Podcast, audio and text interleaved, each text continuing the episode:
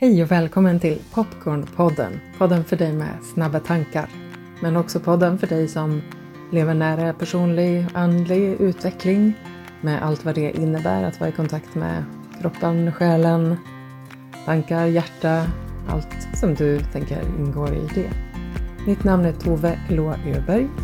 Jag spelar in Popcornpodden, leder också Självmordspodden och eh, driver Akka Meditation, Energiakademin här i Visby och eh, till stor del online. Dagens gäst heter Eva Lyberg och hon är psykolog, psykoterapeut, har vidareutbildning inom trauma och inom klinisk sexologi med mera, med mera. Bra bredd som hon kommer in med. Dagens tema handlar om sex efter trauma.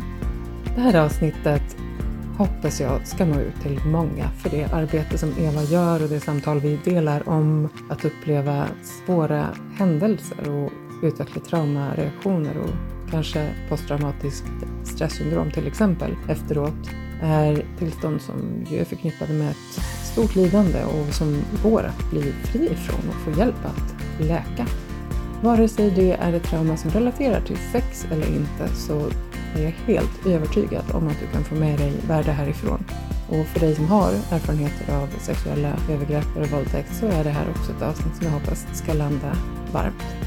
Dela gärna avsnittet vidare och eh, tagga gärna Popcornpodden och eh, Mamma Psykologi på Instagram. Hör av dig till oss med reflektioner om du vill. Nog snackat från mig, nu kör vi och bjuder in Eva Lyberg. Välkommen till podden. Jag börjar bara helt enkelt med att säga välkommen hit, även att du och jag har delat en stund nu innan Eva, men eh, formellt välkommen till podden. Tack! Det känns jättefint att få vara med dig här i din podd. Du och jag, Eva, har ju egentligen inte känt varandra förrän idag. Mm. Det är liksom en ny bekantskap eller vänskap mm. eller vad vi får kalla den. Vi har en del gemensamma beröringspunkter, bland annat Gotland. Mm. Precis, där vi sitter precis just nu precis. med helt fantastisk utsikt över vågorna och havet och träden. Och... I ditt mm. eh, behandlingsrum, får vi väl kalla det. Ja, eller? mottagningsrum. mottagningsrum. Eller, ja, mm. precis. Och utsikt över hela Södra Hällarna och Högklint från Hammaren sett för dig som har varit i Visby. Otrolig lokal. Ja. Här är det fint att jobba kan jag tänka. Ja, det är det. Det hjälper till både att få samtal som känns att man kommer på djupet på ett lättare sätt när miljön liksom håller en. Mm. Eh, och det är märkligt nog, fast det är så mycket fint att titta på här, så är det lätt att fokusera här inne. Är, jag får hjälp av naturen att som komma in i mitt centrum. Mm. Och det är ju också, vi har ju massor vi ska prata om, men, men jag vill bara säga det när man, för, för så många av oss som är stressade och energierna splittras och går åt olika håll, att naturen hjälper verkligen till att få oss att fokusera. Jag bara blir så påmind om det när jag är här också, även om jag sitter inne nu, men ännu mer att gå ut. Vi behöver det, våra kroppar och själar behöver den här kontakten med naturen som är så lätt att glömma. Nu är ju du och jag här på Gotland. Jag bor mm. ibland också i Stockholm och där är det, behöver man vara mer intentionell i min upplevelse. Att verkligen, nu ska jag ta mig till naturen för den är inte lika... Mm. Det blir ett eh, större aktivt val för att gå dit. Ja. Här har vi den ju ganska nära mm. faktiskt, by default, eller hur? Och jag är glad att du fångar naturperspektivet och vilan och, och um, kontakten som så kravlöst finns. Eh, för mig är det verkligen det också, just att naturen bara är och vi som del av den också på något sätt att vi kan eh, komma hem eh, mm. till, till lugn och närvaro på något sätt. Väldigt läkande. Och det här rummet är också bara som en förlängning av natur, tycker jag, som du har inrett det. Det är väldigt fint att vara här. Tack. Verkligen.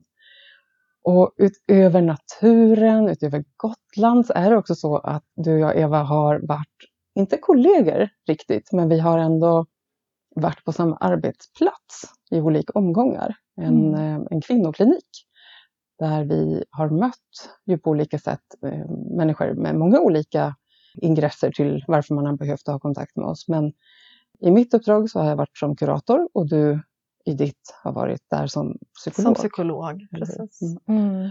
Du är psykolog och just nu eh, driver du heltid, eller hur? Eh, ett företag. Ja, precis. Jag, är, jag har samlat på mig lite titlar. Jag är psykolog och sen är jag också legitimerad psykoterapeut. Eh, och jag har lite vidare utbildningar i sexologisk, eh, ja, klinisk sexologi kallas det för och också lite traumautbildningar bakom mig. Mm. Och sen, jo, faktiskt så kan jag också titulera mig författare nu för tiden. Jag glömmer det ibland, men jag har ju skrivit två böcker och då är man tydligen författare. Det är lite så märkligt att tänka på mig själv som det, men så är det faktiskt. Ja, och sen är, är, jag, precis som du sa, egenföretagare helt och hållet mm. um, nu med lite olika saker som jag gör, men mm.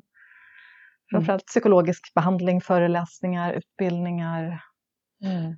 Precis, och jag ler när jag hör, ah, just det, jag är tydligen också författare. Ja. Sådär, temat att saker kan komma till som eh, titel som man själv inte liksom kanske ser förrän man konkret har det där framför sig. Mm. Vad krävs för att vara författare? Jag har själv gjort den reflektionen som har skrivit en liten bok sådär. Mm. Ser jag mig som författare? Nej. men, men jag kan mm. absolut se dig som författare med dina två som står på, på skrivbordet här mm. också. Så, ja, det här med... Jag tror att om man har skrivit en bok som är på något sätt finns fysiskt att läsa och köpa, då, eller ja, då är man väl författare. Ja, det borde väl du någonstans det. där vara per definition mm. det. Ja. Mm. Det är spännande återigen med ord och, och definitioner och kanske självbild. Mm. Ja, och också vad man faktiskt eh, erkänner sig själv, att det här har jag ändå gjort, manifesterat, eh, mm. lärt mig, eh, ja, skapat. Mm. Att eh, stå i alla de identiteterna. Mm. Verkligen. Jag, jag, håller med dig om det. Och det, det är spännande, eh, precis det där med vad vi eh, ser i oss själva, liksom, eller vilka delar vi kan få dela med oss av också till andra. Det som känns viktigt, tänker jag, just nu för dig som har tryckt på play och vill lyssna på det här avsnittet som, som eh, kommer ha just ju rubriken, eh, titeln eh, Sex efter trauma, så är det ju på temat författarskapet, att det är den senaste boken som du har skrivit. Mm. Kan du berätta lite, hur kom det sig, så här, riktig intervjufråga, hur kom mm. det sig att du, att du började med och att, att du skrev den boken? Mm. Ja, det blev på något sätt i mitt kliniska arbete som jag plötsligt märkte att jag började väva samman flera olika delar av min, ja, det jag har lärt mig i mina olika utbildningar och också i min egen eh, utveckling som människa. Men det handlar både om det här psykologiska eh, samtalet förstås, där jag möter klienter. Eh, jag blev allt mer intresserad, egentligen lite samtidigt, av trauma och började gå traumautbildningar, en metod som heter EMDR som jag har lärt mig.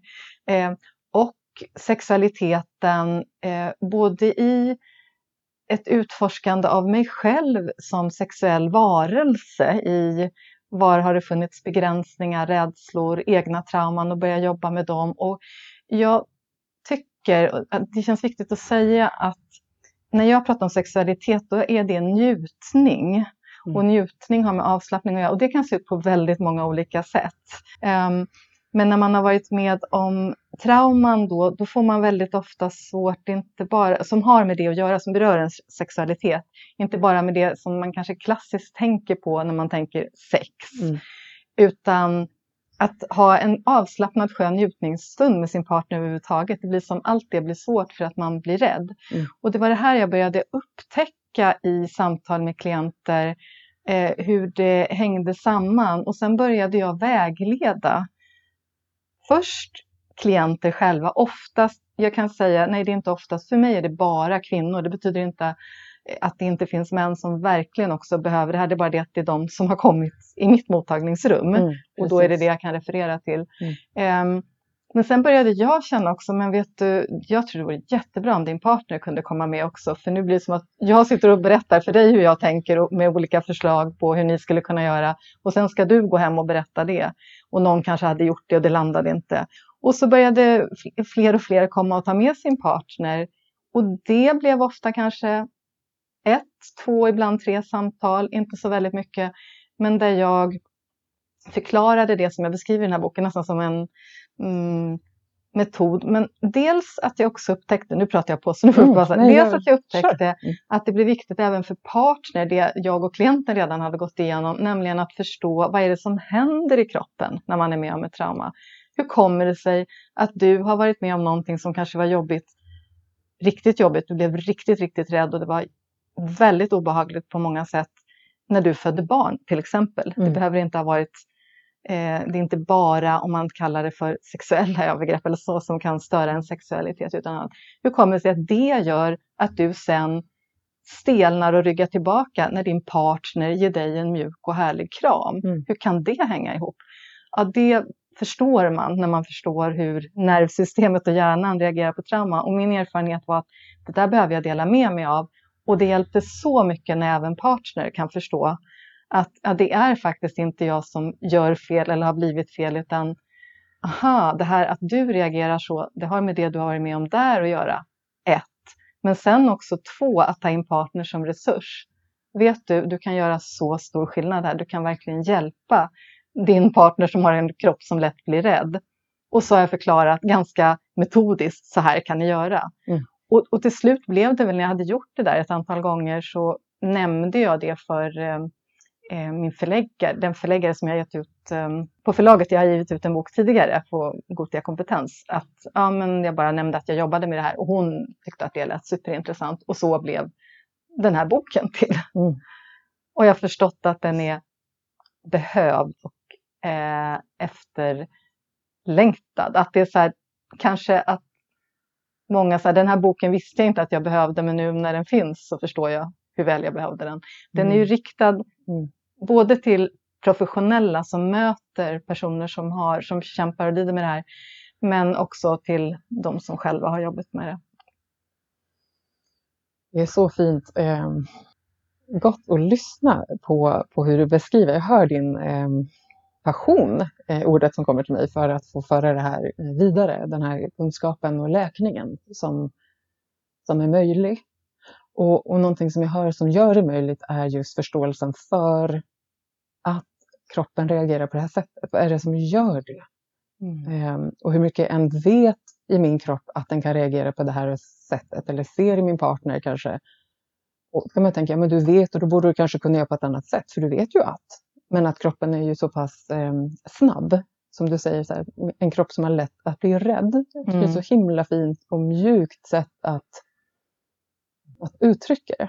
En kropp som har lätt att bli rädd. Det blir liksom kärleksfullt, eh, känner jag, när du uttrycker det på det sättet. Att för mig associerar det till det som i, i svåra, eh, ja, men i traumareaktioner eller i, hög stressnivå, att, att det är inte så mjukt och vilsamt, skulle jag säga, utan det är snarare mer så här, eh, avstängdhet eller ganska hög volym på reaktioner, rent fysiskt ofta också att ha en kropp som lätt blir rädd blir liksom en mjukare ton av hållande. Det stannar verkligen kvar hos mig när du uttrycker Mm. det på det sättet.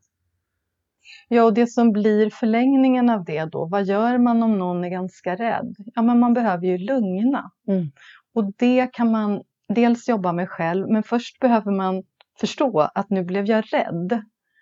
Och att våga stanna upp lite och titta in på det. För det är väldigt, väldigt obehagligt att bli rädd. De flesta av oss gör allt vi kan för att inte behöva känna rädslan. Och det finns så mycket bra man kan göra. Alltså inte bra i förhållande kanske att det är bra för en, men för att det hjälper en mot rädslan. Mm. Det finns massor av substanser man kan ta, massor av beteenden man kan gå in i för att slippa känna rädslan. Men tyvärr så, så försvinner den inte för det, utan den ligger och jobbar där under ytan och man brukar uppleva den som ångest. Mm. Så att just kunna våga stanna upp och känna och bara identifiera och förstå, nu blev jag rädd.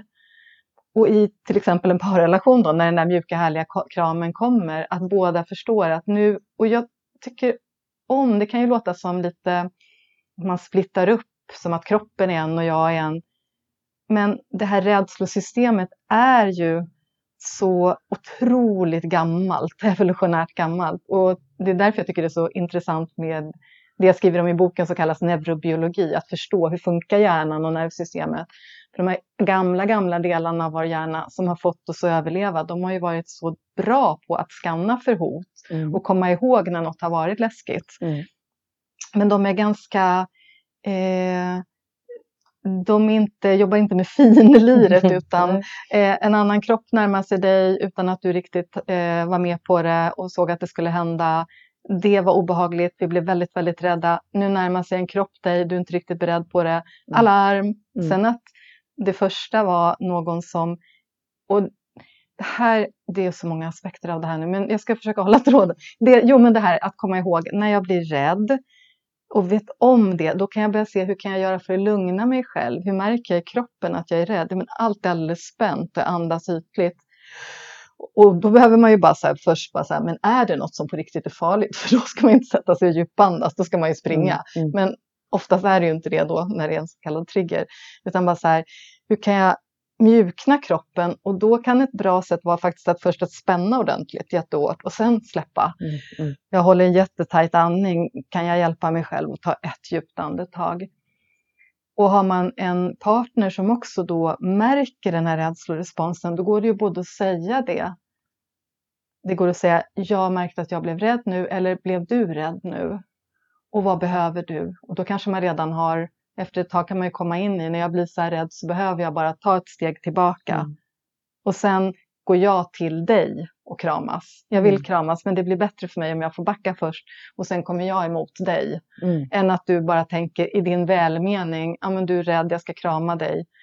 Eh, och det kan vara den där lilla, lilla justeringen bara som gör sån skillnad för den som är rädd att våga mjukna Mm. och lugna sig.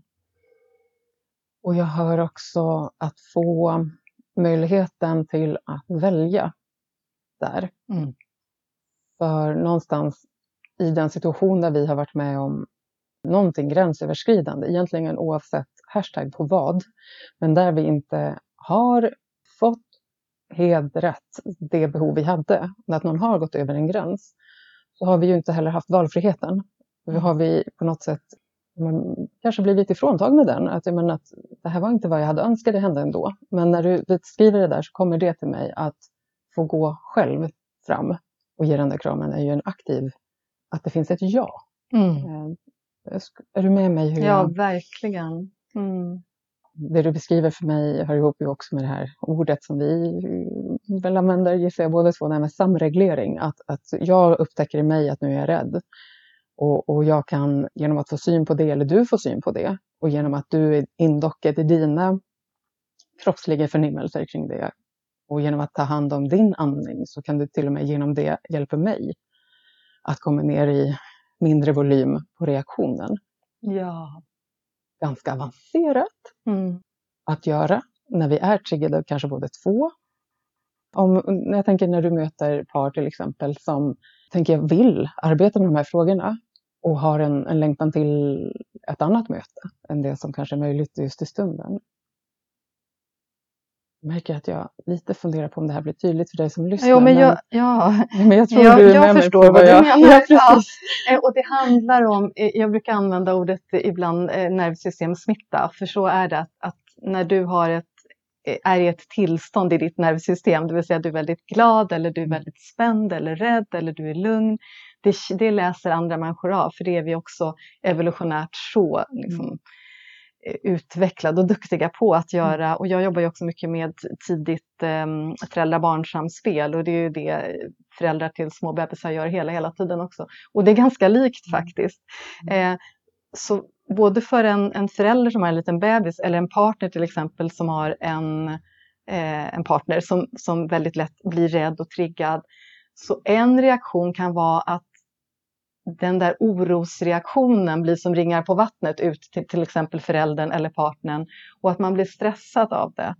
Så när jag träffar vuxna par där någon är, har en benägenhet att bli väldigt orolig eller rädd, då kan det ibland trigga partnern som också blir stressad och ofta kan det komma i form av släpp det där. Kan du inte bara, men det är ju ingen fara, måste du liksom, eh, du, du dra inte igång det där igen och, och det hände ju för länge sedan, kan du liksom komma över det? Mm. Lite, och jag tänker inte att den personen bara gör det partnern i det här fallet, för att lugna sin rädda eh, partner utan för att man blir störd själv av den där oron. Mm.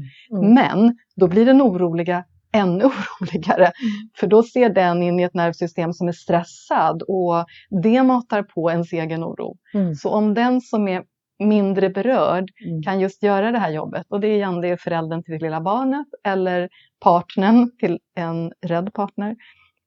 Eh, kan just bara så identifiera, du ser väldigt orolig och stressad och rädd ut nu. Är det något som är farligt här? Nej. Okej, då behöver inte jag agera på det. Mm. Och sen precis det här som du säger, göra en, det man då kallar för självreglering.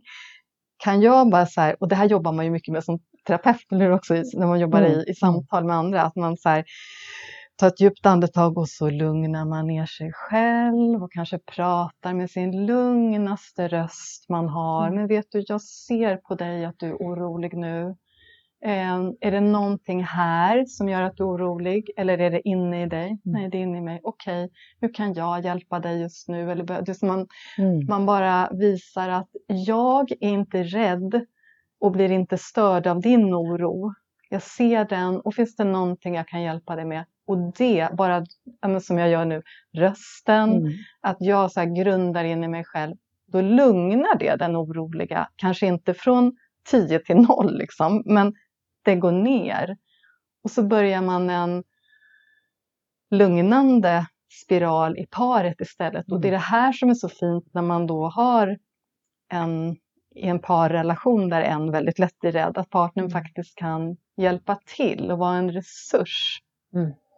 Om man bara förstår, vi är tillbaka nu till det här med mm. att förstå vad är mm. det som händer, varför man kanske inte förstår helt varför sin partner blir rädd, men man ser reaktionen, man förstår att den inte är rationell och så förstår man att det finns saker jag kan göra.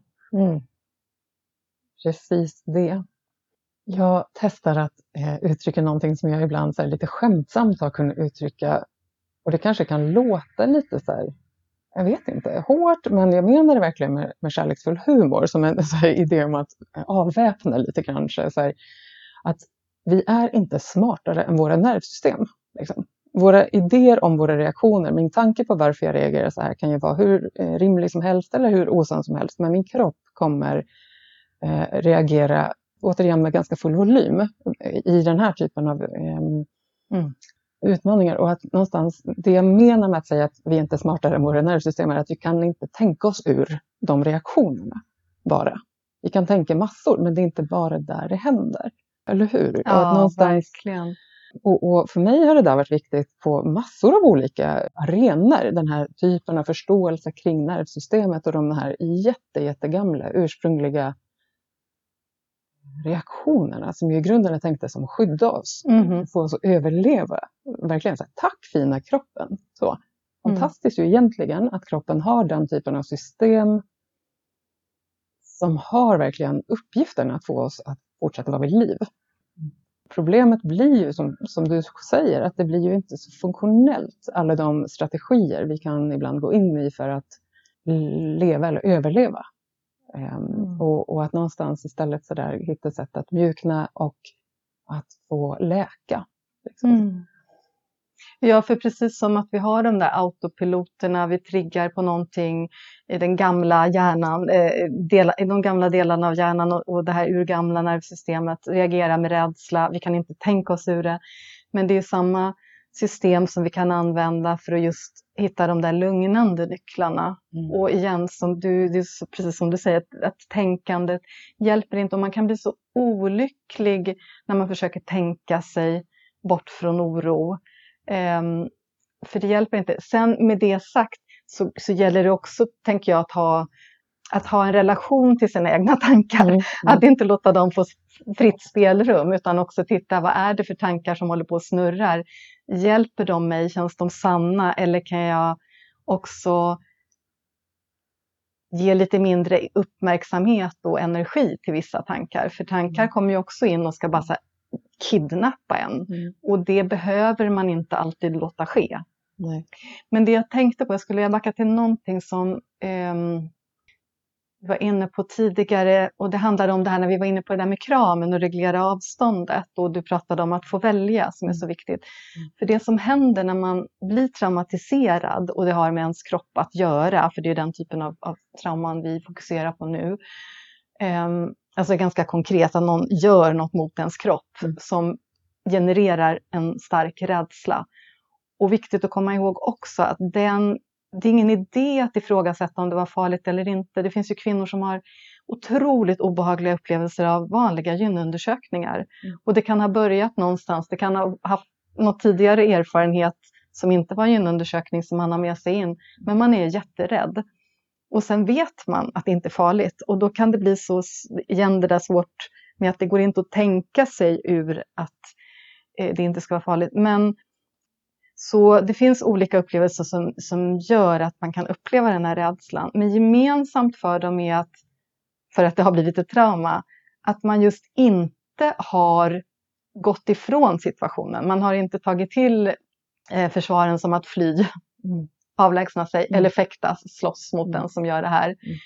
Och det är så viktigt att komma ihåg att när man hamnar i, de här, i skarpt läge i rädsla, då är det det gamla delarna av nervsystemet som tar över och gör bedömningen. Mm. Och det är överlevnad. Vad är största chansen att du ett ska överleva och två vara så oskadad som möjligt ur den här situationen? Mm. Och då är det ibland mycket smartare att inte gå in i motstånd. Mm. Eh, även om jag förstår att jag blir skadad just nu, men om jag går in i motstånd eller försöker springa kan det bli ännu värre.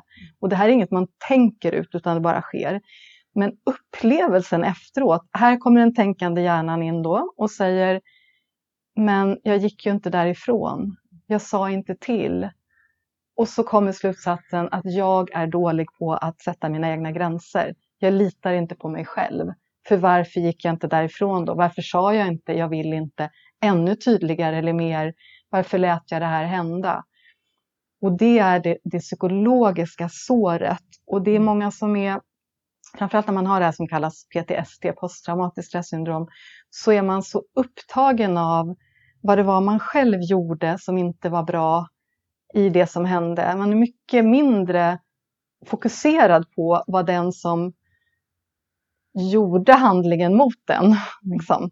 Att vara arg på den. Och ibland kan ju den ha, haft, ha gjort någonting som var ganska, eh, som de flesta håller med om, eh, kränkande, eh, övergreppande. Ibland kan det ju vara bara en helt vanlig, ja men man tänker en en vaginal undersökning på en kvinna som är i födande, som har väldigt ont och är väldigt rädd och upplever det, den undersökningen som traumatisk. Mm. Det är väl självklart att inte det fanns någon som helst tanke hos den undersökande läkaren eller barnmorskan i det. Men det var ändå så det upplevdes. Mm, precis. Och just det där, jag sa inte till. Mm. Så därför att komma tillbaka till i läkningen sen, men just där, jag kan välja och veta att det här tycker jag är jätteviktigt när jag jobbar också med par eh, och skriver om det, att det handlar inte bara om att hitta sitt nej, det här vill jag inte. Det handlar så mycket också om att just hitta sitt ja. Och det kan vara, jag vill inte vara i en beröringsstund med dig där jag är naken överhuvudtaget, fast du är min partner, fast jag egentligen skulle vilja att jag ville det, men nu mm. vill jag inte det. Mm. Jag vill vara helt påklädd eh, och jag, det är massor av ställen jag inte vill att du ska röra mig på. Men om du skulle vilja massera min hårbotten, där är mitt ja. Mm. Det skulle vara riktigt nice. Och om jag då ber dig att göra det en viss tid och du bara gör det, då kan jag slappna av och bara toknjuta av den här hårbottenmassagen. Mm. Mm. Väl medveten om att det kommer inte någon hand smygande någon annanstans och ska jag behöva praktisera mitt nej. Liksom. Mm, precis, att det får vara tryggt. Ja, och att man kan vara i sitt ja och i sin njutning utan att mm. känna oh, nu måste jag vara beredd att, att stå upp för mina gränser. Mm. Det betyder ju mm. inte att man inte ska lära sig var ens gräns går, vad man vill, inte det, men att, att ta bort, mjuka den här känslan av att det är ditt ansvar bara om någonting händer för dig eh, som inte var bra. Ibland var det någon annan som klev över och faktiskt didn't give a shit liksom, om du mm. hade sagt dina gränser eller inte. Precis, precis. Men om man tänker den tanken då kan det bli lite läskigt. Det är läskigt att tänka, men tänk om jag hade satt mina gränser och så hade hen ändå bara struntat i det.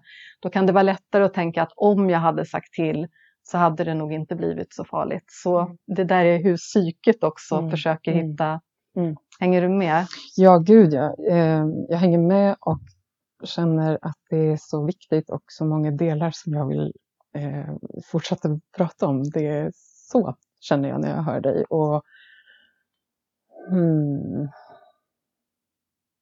mm.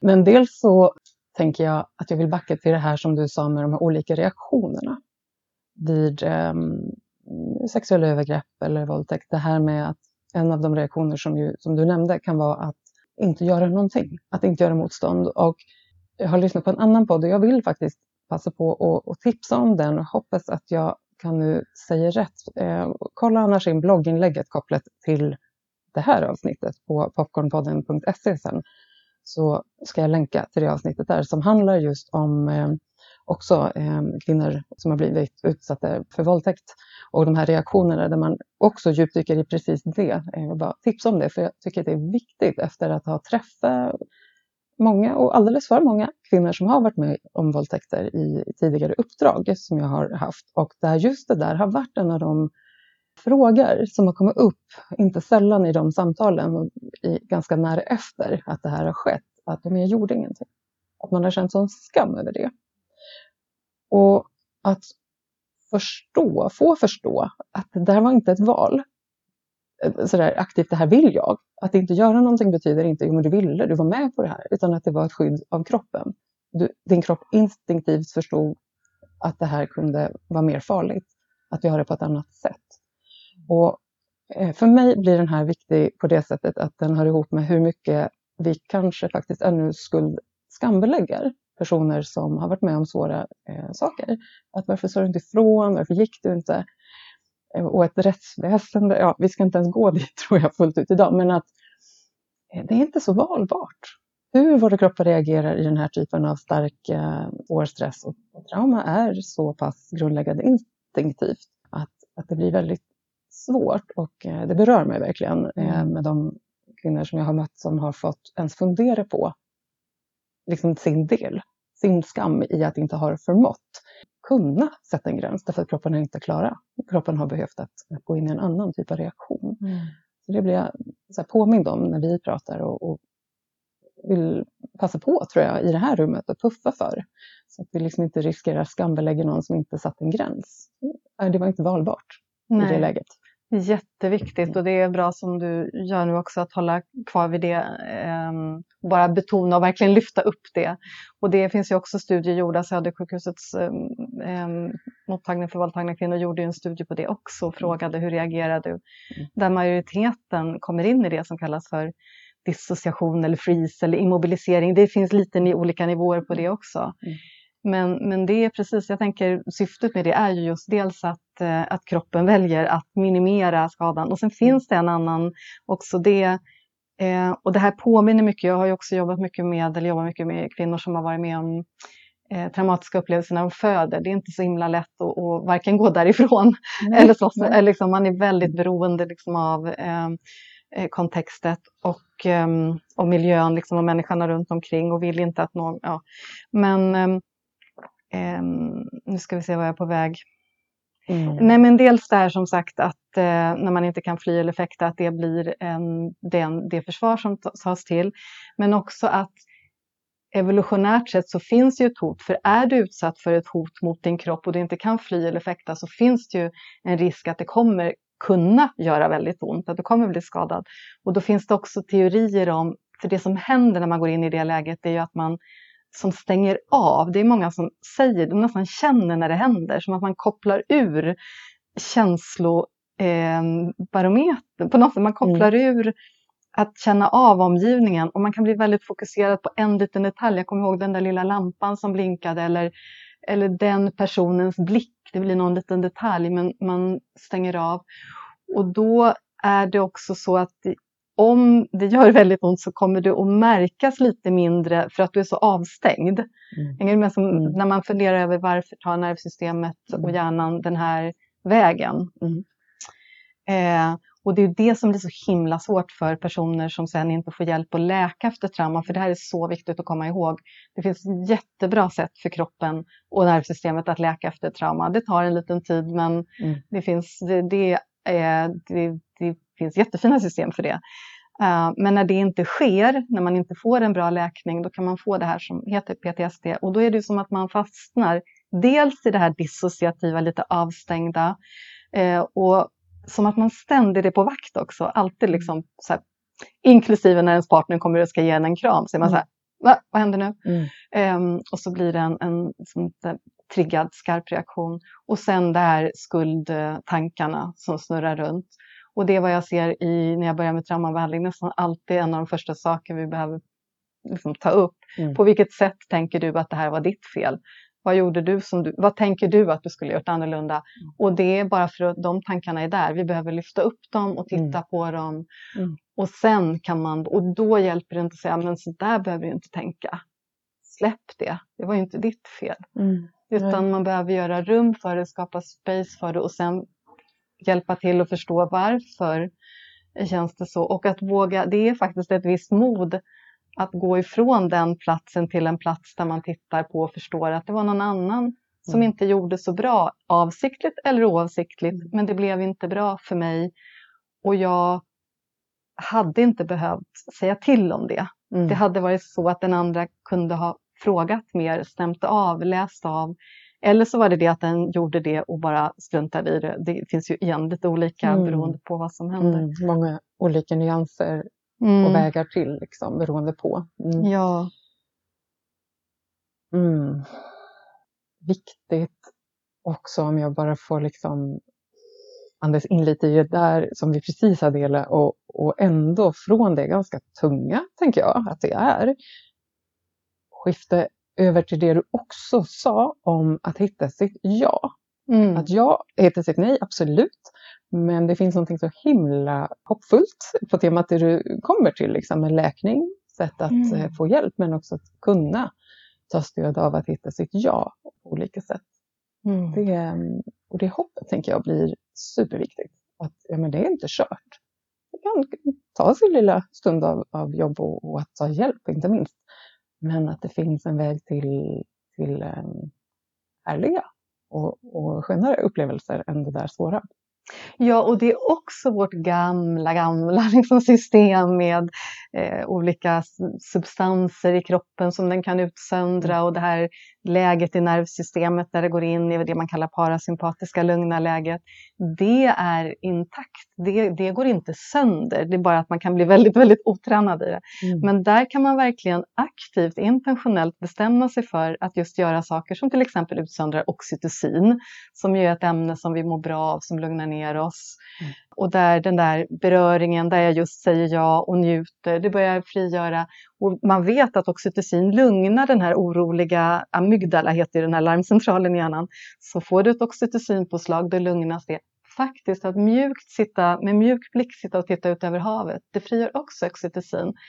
Så det här är så mycket man kan göra både själv och i en parrelation som är utöver, liksom, ja men man kanske behöver traumabehandling, men det är så mycket annat som man kan göra för att just öka upp det här um, känslan av att kunna slappna av, um, att vara i njutning och komma ihåg också det som kallas plasticitet i nervsystemet som är att ju mer du gör någonting desto bättre kommer din kropp bli på det. Precis mm. som med muskler så funkar mm. nervsystemet med. Så när du börjar mer och mer hitta platser där du kan slappna av, njuta, mjukna i kroppen, då kommer du också göra mer av det och det kommer gå lättare och lättare för dig. Mm. Så att också komma ihåg det och där igen då med, man kan göra det absolut hur mycket som helst själv, men finns det en partner att komma ihåg att inom parrelationen också verkligen gå till de platserna, skapa dem, göra det viktigt. Och då kommer vi in på något helt annat som handlar om hur vi lever våra liv. Att mm. för det är, när jag jobbar med par, det största hindret är ju ofta att de kommer tillbaka kanske efter första gången så här, nej, it kind of not happened. Mm. Ja, vi hade en plan men sen hände det och det och så var vi så trötta och man bara så här, mm, okej, okay, nu tar vi det från början här. Mm. Um, och så får man ha den här som, ja, um, prioriterings, uh, hur kan vi hur, hur, hur går det att prioritera upp det här och verkligen göra det superviktigt att få in rutinen och banan och ta de små stegen. Mm, mm. Ja. Ja, och, och det här tänker jag, vare sig man eh, som lyssnare idag på det här avsnittet, vare sig man har en egen erfarenhet av eh, någon form av traumatisk upplevelse av det här slaget eller inte. Så samtliga av oss som lever på den här planeten för tillfället är ju ganska mycket kollektivt i en, en eh, stressfylld värld med mycket intryck, mycket eh, ja, men det händer en hel del som, som belastar våra nervsystem, får man väl ändå säga. Vi, vi har en hel del intryck att förhålla oss till och som eh, kan upplevas som stress eller avständighet i kroppen. Eller liksom så här. Och de här sakerna som du säger nu är ju för alla oss människor bra. Liksom. Att mm. eh, ge sig själv tid, inte sen på semestern, så här, att blicka ut över Östersjön för en extra stund eller att ge sig själv tid att få eh, ge sig själv en handmassage eller sin partner eller vän eller vad det kan vara. Eh, som att det är någonting som jag tror att många av oss kan tänka ska hända sen i mån av tid. Eller sen när vi har semester. Så här, det här lilla enkla som kan vara svårt nog. Mm, utan att det skulle vara möjligt och är rena rama medicinen. Och fantastiska vägar ju till närvaro och kontakt oavsett vad vi går in i det med förerfarenhet i trauma eller inte. Mm. Det, det kommer verkligen sådär det är någonting som, som ligger mig ganska varmt om hjärtat. Att få välja det. Jag själv kommer från en ganska hög idé om prestation och krav. Där jag har tänkt kanske mycket så att men, jag ska jobba först och sen ska jag vila. Mm. Och jag har insett att nej, men det där är någonting som inte är sant för mig. Jag behöver skifta det helt och, och övar verkligen på det att eh, nej men jag ska först ge mig en stund att eh, bada bastu den här fredag morgonen innan jag går och, och spelar podd till mm. exempel. Mm. För det bryter helt ett mönster för mig att jobb måste man göra för att vara typ good enough eller vad ska andra annars mm. säga och sådär. Och jag hoppas, jag säger det för jag hoppas att det kan vara hjälpsamt för någon att få någon annans okej okay på att så här kan man göra. För jag har märkt i mitt liv att det gör enorm skillnad. Mm. Att genom att ta de där stunderna med mig själv eller vänner eh, i den här typen av övningar som du beskriver med beröring till exempel. Det fyller på på ett sätt som går bortom ord, tycker mm. jag. Eh, och som jag nog inte hade kunnat förstå om jag inte hade testat det en tid. Mm. Liksom. I det lilla liksom, så vore det väldigt stora möjligheter. Ja, och jag tänker du tar upp begreppet vila och också det ligger inbäddat i vad du säger men jag vill ändå ännu mer lyfta upp det och det är ju ordet njutning. Mm. Att det är som att de flesta av oss vet idag för många har eller har varit eller det här med utmattning och förstå vikten av vila och återhämtning. Men njutning blir lite så här mm. Mm när ska man hålla på med det? Mm. Men jag läste någon övning som jag tyckte var så himla bra, 60 sekunders njutning kallas den för. Mm. Mm. Att tänka att en, om du ska njuta att du kan njuta av något i en minut. Det kan vara att du dricker något, att du tittar på något, men att verkligen gå in i att njuta av någonting. Eh, och att göra plats för den där njutningen i våra liv. För det är ju någonting som är så otroligt närande i det. Mm. Och att, att tänka att vi har hela den här kroppen som har förmåga att njuta på så många sätt. Och att apropå jag, hitta sitt ja till det och att det kan behöva tränas. Mm. Det låter så, så mm. Eh, eh, också som en, inte för att gå mot prestation, men alltså att vi behöver, vad ska man säga då, öva på det. Alltså göra plats för det. Jag tycker om ordet intentionellt. Mm. Att inte bara säga, ah, jag vill bli bättre på att njuta. Ja, men hur ska jag göra det? Jag kanske faktiskt behöver ta mig själv i handen och. Ska göra det viktigt för en tid. Apropå det här med mm. paren som behöver, ja men har ni, skulle ni kunna ta fem minuter varje kväll? Skulle det kännas möjligt i ert annars så stressade liv att ta fem minuter där ni berör varandra på det här sättet? Mm. Och det blir nästan fånigt för det är klart att fem minuter kan ju alla. Mm. Men det är mm. bara, igen då, kind of not happens. Det händer inte utan bara så här, hur ska ni få det att hända? Och när man väl börjar få det att hända, då börjar saker ibland rulla på mm. för att man tycker, visar sig att man tycker om det. Man mm. får en motivation att gå dit och göra det. Och det blir mer spontant också, för det är många som säger när man börjar med det här fyrkantiga, liksom, så det kan vara i början, eh, metoden, eh, att man, de märker att de börjar beröra varandra mer spontant i vardagen. Mm. Och det är ju så fint. Mm. Precis, att det ger ringar på vattnet, mm. eh, att, att väcka kroppen och de sensationer som finns också på olika sätt. Ja. Association också just när vi, när vi har satt eh, tonen in här, att vi pratar om sex efter trauma och så pratar vi om ordet njutning, så tänker jag mig att det skulle kunna vara lätt att tänka att njutning blir per definition någonting som behöver vara kopplat till sexuell njutning. Vilket jag hör ju att vi inte pratar om, men jag tänker att jag sätter ändå ord på det för att de här orden kan också vara så laddade och, och senaste avsnittet av podden så pratar vi också om det. på temat att kan vi få närma oss njutning på sätt som inte nödvändigtvis är kopplat till lust, kåthet om jag får använda mm. det så, utan så här, lusten i att eh, lyssna på en låt som går rakt genom kroppen. Ja. Eh, eller smaka en glass som får det att liksom pirra till på tungan. Att, som också kan få vara mm, andra nyanser. Mm. En, en, absolut välkomna lusten av det sexuella, så, men att det finns så många nyanser av njutning. Ja, och där behöver jag, tänker jag, ändå koppla tillbaka lite till min bok och det är ja. arbetet att också lyfta upp att det är ju den sexuella lusten, njutningen som, som blir triggern för många av de här kvinnorna. Mm, mm. Och det är därför det också blir, ja, men dels att börja med det här att börja njuta i det lilla och inom den här fyrkanten, jag vet vad det är som kommer hända nu, mm. därför kan jag njuta. Men också är ju tanken att med den här metoden, modellen eller vad jag nu ska kalla det för, kunna expandera och faktiskt tillåta sig själv att känna den, jag tänker att det är liksom sensuell njutning, erotisk njutning, sexuell njutning, men fortfarande för en tid inom ramen för att jag vet vad det är som kommer att hända. Mm. Och den, där kan det börja, och där är det många kvinnor tycker jag som som börjar hitta sina egna nycklar. Aha, men om jag gör så här också, eh, då känner jag mig, alltså kanske sätter sig i en position där man har mer kontroll över situationen rent fysiskt också. Mm. Då kan jag slappna av och njuta. Eller när jag får gå all in och beröra min partner på alla möjliga sätt och bara använda min sexuella lust i det. Då kan jag njuta. Och så börjar de hitta eh, erfarenheter av att vara i sin sexuella lust och njutning utan att bli rädda. Mm. Och det är det som nervsystemet behöver. Det som, mm. Jag tänker på ibland som poletter liksom, mm. som trillar ner. Mm. Och när det finns tillräckligt många sådana då kan man börja släppa lite på de här ramarna och börja ha det där mera spontana, liksom även allt, ja, men hela spektrat där, njutning, sensualitet, erotiskt eh, sex. Men också, det här blir ju som ett helt annat, eh, vi skulle kunna prata hur länge som helst, men att också börja mjuka, mjukna på vad sexet är. Att sexet kanske inte behöver vara den här, vi börjar där och sen går vi dit och där har båda helst fått varsin orgasm eller några till, men så, då är vi klara. Mm. Utan att också kunna leka med hela den inom parets sexuella praktiken. Att, som, mm, luckra upp idén om för det är ofta så här när jag frågar så här, men vad är det som är sex för dig? Då är ju det ofta en ganska snäv definition på vad det är som konkret händer. Ja, ja men så där när, när ni sitter och eh, myshånglar i soffan, är det sex eller inte? Mm, nej, nej. nej, men det kanske också är väldigt sexigt. Liksom att också verkligen så visa, men det räknas också. Mm.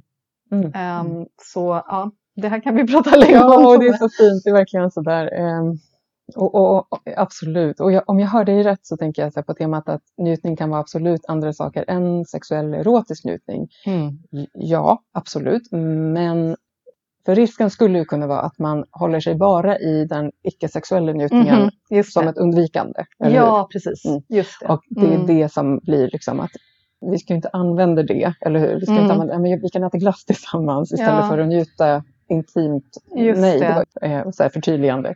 Utan mm. mer sådär att olika nyanser. Men verkligen att våga bjuda in och, och skapa trygga erfarenheter. Ja, och mm. kanske tänka vad är målet? Det här skriver jag lite om i boken också. Jag tänker att det är viktigt eh, att målet med mitt sexliv kanske inte är just att få de här extatiska orgasmerna vid ett antal tillfällen utan att till exempel känna att jag har kontakt med min egen lust att jag, att jag är trygg i min egen lust, att jag kan gå med den till olika platser. Det kanske är eh, självsex, jag vill ha partnersex, jag vill inte ha partnersex just nu, eller jag vill ha det si eller jag vill ha det så. Mm. Men att kunna känna att, att det är jag och omständigheterna och förstås om man har partner, samspel med partner som avgör, men det är inte min rädsla som säger att det här kan jag inte göra för då blir jag rädd. Precis som du sa, ordet undviker.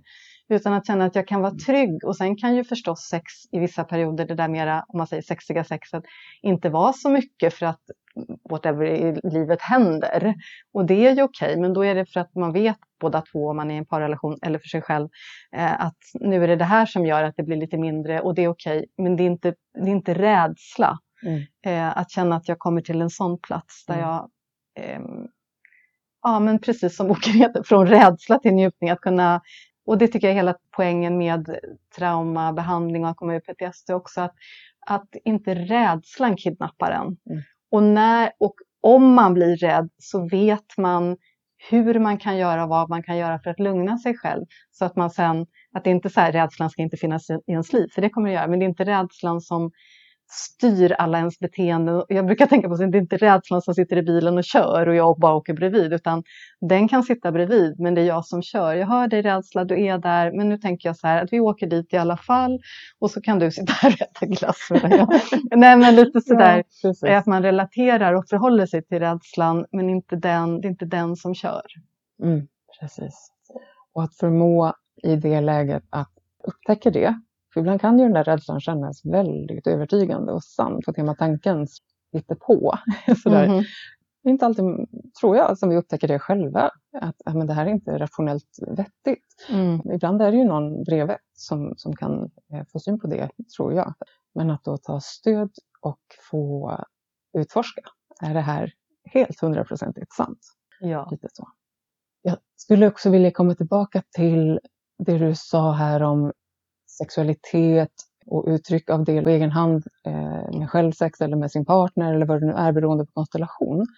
Kan vi stanna lite vid det, tänker jag, när du träffar par? För jag tänker att även att det finns ett behov i ett par av ett gemensamt delande av intimitet av, det här, av den här typen, så finns det någonting, jag är nyfiken, hur mycket av det eh, måste ske i paret paret och vad av det här kan också behöva ske individuellt, liksom för den som har erfarenheten av en, ett trauma kontra partnerns egen sexualitet. Ibland kan jag tänka att vi kanske också lägger det som att i en relation så ska vår partner fylla alla våra behov och, och det är där det ska hända. Liksom. Medan man också ju skulle kunna få ett fullt ja till en egen del av sin sexualitet mm. på egen hand. Mm. Och som partner i det här så kan jag tänka att det kanske också blir ännu viktigare. Så att det inte blir kravfyllt omedvetet kanske rent av eh, till sin partner. Om man inte har den kontakten och ett eget ja till att få vara intim med sig själv. Ehm. Men det är superviktigt att du, vad bra att du tar upp det, för så är det förstås om du har till exempel kanske till och med rädslor för, för sexuell eh, lek med dig själv, då blir det ju väldigt mycket större uppförsbacke att att känna dig helt trygg när du också adderar till en partner. Och där och hela det, jag tänker att dels att ha en, en full tillgång till sin egen sexualitet med sig själv, att känna sin kropp, att veta vad tycker jag om att göra, hur kan jag göra skönt för mig själv, vad tycker min kropp om? Och att även där expandera njutningen. Mm. Att tänka när du smörjer in ansiktet på morgonen eller kroppen med lotion, hur kan du göra det så njutningsfullt som möjligt? Och verkligen utforska din egen kropp och det är många kvinnor som också kan behöva vägledning och det är inte sällan där vi börjar i ja, men att lära känna sitt kön, sin vulva, sin vagina, att verkligen känna olika platser, hur känns det? Och många tycker det är, är, är svårt till och med mm. att beröra sig själv mm. på mer än kanske ett väldigt liksom, automatiserat mm. sätt. Just börja utforska eget, sitt eget kön och känna var känns det kanske spänt eller var känns det skönt, var känns det avslappnat och, och kunna eh, verkligen så här, när jag har haft eh, sådana kurser eller kvällskurser med kvinnor om kvinnlig njutning var det någon som sa, ah, så du menar att man ska bli sin egen älskarinna? Ja, det var ett jättefint uttryck. Ja. Och det, den relationen är jätteviktig att ha oavsett om du är med en partner eller inte. Mm. Så vad bra att du tog upp det Tove, för det är ju verkligen eh, Mm. Att, och vill jag säga, inte bara traumarelaterat utan också eh, så kulturellt. Ja. Eh, för det är många kvinnor som har så mycket skamkänslor mm. och, och, svårt att ens vara i kontakt med sin egen mm. kropp. Och sen mm. tänker man att man ska kliva in med en partner och få mm. härliga extatiska liksom, njutning och orgasmer och bara så här, kroppen, det händer inte. utan att börja med det själv. Mm. Mm. Ja, absolut. Och att, att vi som kvinnor, tänker jag, att vi har också ganska många år på jorden återigen av att inte ha fått uttrycka eh, och vara i kontakt med vår kraft i det sexuella. Liksom, och kroppen är ju också kollektivt, kvinnokroppen ganska ofta föremål för, för tyckande och normer, och, och, men också absolut, men utifrån som kvinna, det perspektivet, så att ha rätten till sin lust, eh, tänker jag. Det är ju Mm. liksom en act of revolution på något sätt. Att Mm. faktiskt få, få ha ett ja till sin kropp. Ja. Ehm, det är väldigt sant i mig och på egen hand. Och att inte bara låter det vara någonting som bara händer med partner eller partners eller vad vi Mm. nu vill definiera. Och jag tänker också för den att vara sin egen älskarinna, det är ett härligt eh, sätt att se det. Men också vara sin egen älskare för den man, Mhm. partner om vi nu Ja, tänker just Eh, Absolut. ja, att få fylla på och, och ge sig själv det. Liksom. Mm. Ja, men att, att man lär känna sig själv som sexuell varelse och att ha just den eh, förmågan att också njuta avslappnat i självsex. Att det inte bara blir en release, liksom en spänningsrelease som jag tror att många använder det till, utan att hitta hur kan jag njuta i kontakt med mig själv. Och ehm, ja, det finns mycket att, Ja. mycket att göra där det också. finns så mycket att fortsätta att prata om där också, verkligen. Och jag hör ju att du också har hållit och kanske ännu håller kurser i det här med njutning och nycklar dit. Så uh, kolla in Evas hemsida sen. Vi kommer ge info dit i slutet av, av avsnittet också. Det går ju att prata hur länge som helst om alla de här sakerna. Ehm, Det är så, ja. Det känns ändå jätteviktigt faktiskt för mig att kanske möjligen som liksom avslutande block, om vi ska försöka att röra oss på det, ehm, eh, EMDR. Kan jag få be dig att berätta lite om det? För jag tänker på temat att det finns vägar till läkning och, och, och att du har den kompetensen Mm. med. För den som funderar, vad är de där fyra bokstäverna, vad handlar de om? Ja, just det. Eh, för det första vill jag säga att det är en metod som är väldigt vetenskapligt utprövad och visar sig fungera väldigt väl mot, mot trauma, eh, bearbetning och en hel del annat också. Eh, EMDR betyder Eye Movement Desensitization Reprocessing och det beror på att det var lite så man började. Metoden ut, ja, började med helt enkelt ögonrörelser, den terapeut som, som utvecklade metoden, Francine Shapiro. Eh, Men sen kan man använda andra modaliteter som man kallar det också. Det man vill komma åt är det man kallar bilateral stimulering och rytmiskt. Så man vill ha en rörelse från sida till sida och det är vanligt att man använder ögonrörelser. Titta från sida till. Man kan också ha ljud som att det låter ena örat och sen det andra eller att det slår på dina ben eller klappar liksom från sida till sida. Och i det här aktiverar båda Ja, och, ja exakt. För det, och det här blir en, eh, ett stort block om man ska ta hela, men det handlar om också hur traumaminnen inlagras. För vi har som höger och vänster hjärnhalva som har lite olika funktioner. Och traumaminnen är ofta väldigt eh, dominerande i den högra hjärnhalvan, så man vill ha, få med den vänstra också. Men det som är då när man jobbar med eh, EMDR och, och går tillbaka till minnen man har, det behöver inte vara exakt hur det hände utan så som man minns det, och jobbar med en lite snabbare takt i den här bilaterala aktiveringen eller så, stimuleringen, då är det som att eh, lite psykiska försvar rinner av och man kommer ganska mycket i kontakt med upplevelsen man var där och då.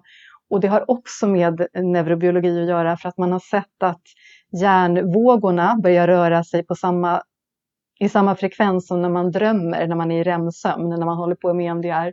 Så man blir lite mer associativ, det kommer snabbt upp känslor, tankar, ibland väldigt mycket kroppsminnen. Men det intressanta och som jag tycker så mycket om i EMDR är att medan du som klient då sitter och kommer i kontakt med de här jobbiga sakerna så får du den här bilaterala stimuleringen. Du kanske följer min hand så dina ögon rör sig fram och tillbaka. Då händer två saker. Det ena är att du blir lugnad. Tänk dig en orolig bebis. Mm. Och det var, pratar man om på nyheterna häromdagen. Det är det rytmiska. Att man liksom lite så gungar från sida Mm. till sida. Det lugnar barnet. Det är det ena. Det andra är att ditt nervsystem, din hjärna får jobba med två saker. För du är helt inne i det här. Eh, och det verkligen är som att man ibland är, verkligen, det är som att du kliver in i minnet så starkt.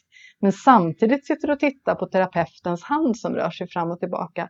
Och så småningom, och det här är så intressant för i en session händer det ibland att en klient säger Men det händer ju inte längre. Eller det är över nu. Mm. Det är som att man liksom snappar ut och Mm. inser att just det, det är ju det här som är min levda verklighet. Det där Mm. var ju det som hände där och då. Och det har också med minneslagring att göra för PTSD. Då är minnena kvar för mycket i närtidsminne, nutidsminne. Medan, och när man har jobbat med det här antal, och det är så intressant för att jag som terapeut är ganska tillbakalutad. Jag kör en omgång, frågar vad händer med dig nu och så berättar du det och så kör vi igen. Och sen börjar, för jag ber dig att berätta då vad är det som händer. Mm. Och då börjar en process från, ja men det var mitt fel och jag kan inte, och där man är inne i det här um, utsatta utsatta skulle jag vilja använda ordet, läget. Mm. Men sen så småningom kan det komma ilska, men det där var ju inte okej att hen gjorde si eller så. Det där, hmm. Och, och eh, andra känslor förstås. Och så småningom, om inte det sker spontant så hjälper jag till att puffa lite åt det hållet. Så kommer man in i en medkänsla till sig själv att det var ju faktiskt otroligt jobbigt för mig att det här hände där och då. Och då jobbar jag ibland också med visualisering av att man kan ta in dig här och nu. Om du tittar på den där och då, vad tänker du, vad känner du? Mm. Och då blir det också en slags split i ditt eget system, att du kan se att du är här och nu och det här var du där och då där det hände. Och man vill ha den här liksom, att just den här sorteringen av att det är, och när man har jobbat med det här ett antal sessioner och jag ber dig tänka på det där första minnet vi börjar jobba med, då är det som att när du tittar på det lite mer som i en fotobok. Liksom. Jag vet att jag varit med om det, det var förfärligt och så synd att det hände. Men jag blir, igen då, jag blir inte längre rädd när jag ser det. Vi har löst upp rädslan kring det. Sen kommer mm. det alltid ha varit så jobbigt som det var. Men du är inte längre rädd. Och det är en väldigt, väldigt potent eh, metod som också lugnar. Det, är det, som, det aktiverar och lugnar. Mm. Mm. Och att kroppen får förstå att det inte är pågående. Exakt. Mm. För det är det som är mm. PTSD och det är det som inte andra fattar. Men det var ju då, kan mm. du inte bara släppa det? Mm. Men det, här, det är som att det har blivit en, en bugg i systemet eller mm. en, en, det har hakat upp sig. Det är inte, och det här är ju liksom som det har också som neurobiologisk teori, det handlar om minnesinlagring på riktigt. Och det händer saker med minnet när man eh, jobbar på det här sättet, att det just hamnar längre där och då. Och vad gör det då? Jo, det frigör ditt här och nu. Mm. För du ska kunna bli rädd, det är jätteviktigt om något händer här och då. Eller här och nu. Men om du är helt inne i det där som händer där och då och går och supertriggad för det, då kan du missa att det liksom kommer någon springande mot dig som inte ser så bra ut. Mm. För du är så inne i ditt eh, eget... Utan du behöver kunna vara här och nu. Och det hjälp, får man hjälp med. Och då blir man mer avslappnad och får tillbaka sin eh, kapacitet här och nu. Mm, så om kroppen är i survival i någonting som upplevs sant som nu, men som egentligen har det här med förr, så har vi ju inte heller fokus här och nu på vad som är. Mm. Sunt eller, eller potentiell fara mm. faktiskt. Mm. Vi har inte samma fokus, vi har inte kapacitet för det. Så det är ju liksom ja, många nivåer av Mm, att den här läkningen ger liksom tillbaka här och nu. En kapacitet att leva med allt som är. Ja. Liksom, mera ofiltrerat eller felfiltrerat eller vad man ska säga. Mm. Ja, det är väldigt, en väldigt kraftfull metod. Mm. Jag har jobbat ganska mycket med den och eh, mm, ja, jag, jag, tycker att den är mm, väldigt rekommendabel. Jag skulle önska att den användes mer också i vården. Det finns eh, professionell vårdpersonal som är utbildad i det här men, men det finns lite andra metoder som man gärna lyfter upp också. De, mm. men men den, här, den är snabb och effektiv. Så är det och det är kanske är tråkigt att prata i de termerna men jag tycker samtidigt det är väl bra. Man kan ha eh, behandling som är effektiv framför allt när det gäller att ta bort psykiskt lidande. Man inte ja, det tänker jag länge. också. Mm. För att gå i den där typen av reaktioner jag har egen erfarenhet av PTSD fast i helt annat sammanhang som jag idag är fri ifrån. Men jag kan ju bara liksom konstatera att ja tack till snabbt och effektivt. Mm -hmm. För att gå runt i en PTSD är mm. inte att rekommendera. Det är inte en, en eh, likhetstecken till livskvalitet. Liksom. det är inte det. Det är ett otroligt funktionsnedsättande tillstånd. Det vet man ju också att svår PTSD räknas ju som ja, men ett väldigt just funktionsnedsättande tillstånd mm. faktiskt, både känslomässigt och, och, och, socialt och på alla möjliga plan i livet. Så att, att snabbt och effektivt är ju en gåva. Ja, och det jag. Mm. matar på, det är som värsta näringslösningen till depression, till ångest, till mm. tvångsbeteenden. Och mm. alltså, så mycket Mm. som jag har sett också när vi löser traum eller PTSD så Mm. faller mycket annan psykisk ohälsa också balanserar upp sig. Exakt. Där är inte längre ångesten, där är inte längre tvångstankarna. Sen är det inte så här som en mirakelmetod som man tar bort allt, men, men eh, den, är- den, är, den är Mm. kraftfull för Mm. mycket. Mm. Och det som är också, tänker jag, som du sa med PTSD, det är många som har PTSD som inte förstår det. Mm. För man förstår inte att det jag var med om upplevde min kropp som ett trauma. Mm. Nej, det där var nog inte ett trauma, säger personen. Och så när vi börjar prata om det så finns det alla tecken på det. Mm. Och triggers och allting. Men personen själv har inte tänkt att det var ett trauma. För trauma, det vill säga, ja, då har man lite föreställningar om vad det kan vara. Men Mm. Ja, och det i sig är ju några avsnitt till på faktiskt, vad det skulle kunna vara. Det, det är verkligen intressant och för mig var det så, bara väldigt sådär en kort parentes på det, att jag hade själv aldrig trott och tänkt att det jag var med om då var en PTSD. Det hade Mm. jag liksom inte förstått om det inte vore så att jag hade fått den speglingen från annat håll. Mm. Eh, och med att, ha vant sig med reaktioner också, men också okunskap. Vad skulle kunna vara en Exakt. PTSD? Handlar det bara om krigsveteraner? Mm. Eh, nej, det gör det inte. Så det där går att läsa på mer om för dig som är intresserad av det. Men, men där finns det mycket fint att, ehm, att lära. Här är vi en bit på väg i det. Ja. Du, eh, innan vi ehm, berättar för lyssnarna vart man kan få läsa mer om dig och följa dig så vill jag höra med dig. Finns det någonting som du känner så här, men det här är inte sagt, jag behöver få, ja, men nämna det här eller tänker att vi har varit inne på så många av de områden som jag känner är viktiga. Men det är väl framförallt bara sammanfatta det med att eh, ta på allvar. Om man märker att man har det här som kallas för triggers, det är så det ofta känns. Du reagerar med rädsla på en situation som inte är farlig. Då är det en trigger. Och att vara uppmärksam på det och att söka hjälp för det i den mån det går. Men att också veta att det finns så många sätt att just lugna och hjälpa ett oroligt och lite obalanserat nervsystem. Både här och nu, eh, liksom med sig själv, med professionell hjälp. Ja, men jag vill nog verkligen den där, skicka med hoppet. Och att göra njutning och att kunna njuta till en väldigt essentiell del av livet. Det är inget bonusmaterial. Det har vi våran, i allra högsta grad, både om man nu ska behöva ens dra de korten, men fysiska och psykiska hälsa. Att kunna just njuta på olika sätt. Så det är viktigt och värdefullt och igen inte något som bara säger, ja nej men det där får jag ta när jag blir pensionär. liksom. Eller vad man nu tänker, om jag blir det eller så, eller på Mm. semestern. Utan det är your entitled, nu blir det men som det är din eh, medfödda resurs och, och ehm, du har all, din kropp har allt som behövs Mm. men den kan behöva vägledning och hjälp. Du kan behöva vägledning och hjälp. Och det finns många där ute som kan hjälpa dig med det. Så gå ut och sök och Mm. sätt det. Den öns kanske inte målet, men den önskan och längtan och visionen för dig själv. Och gör den viktig. Och har du en partner, prata om det tillsammans. Mm. Det här är vad jag önskar och längtar. Vill du hjälpa mig att gå dit?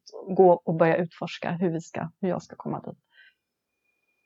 Jag blir varm och glad när jag hör dig säga det här. För det finns någon sådär att ge sig själv ett ja till eh, någonting som är vår födslorätt som du säger. Liksom att, eh, att få ha kontakt med njutningen här på Mm. jorden. För det finns så mycket att njuta av på den här planeten och i våra kroppar och i möten med varandra. Mm.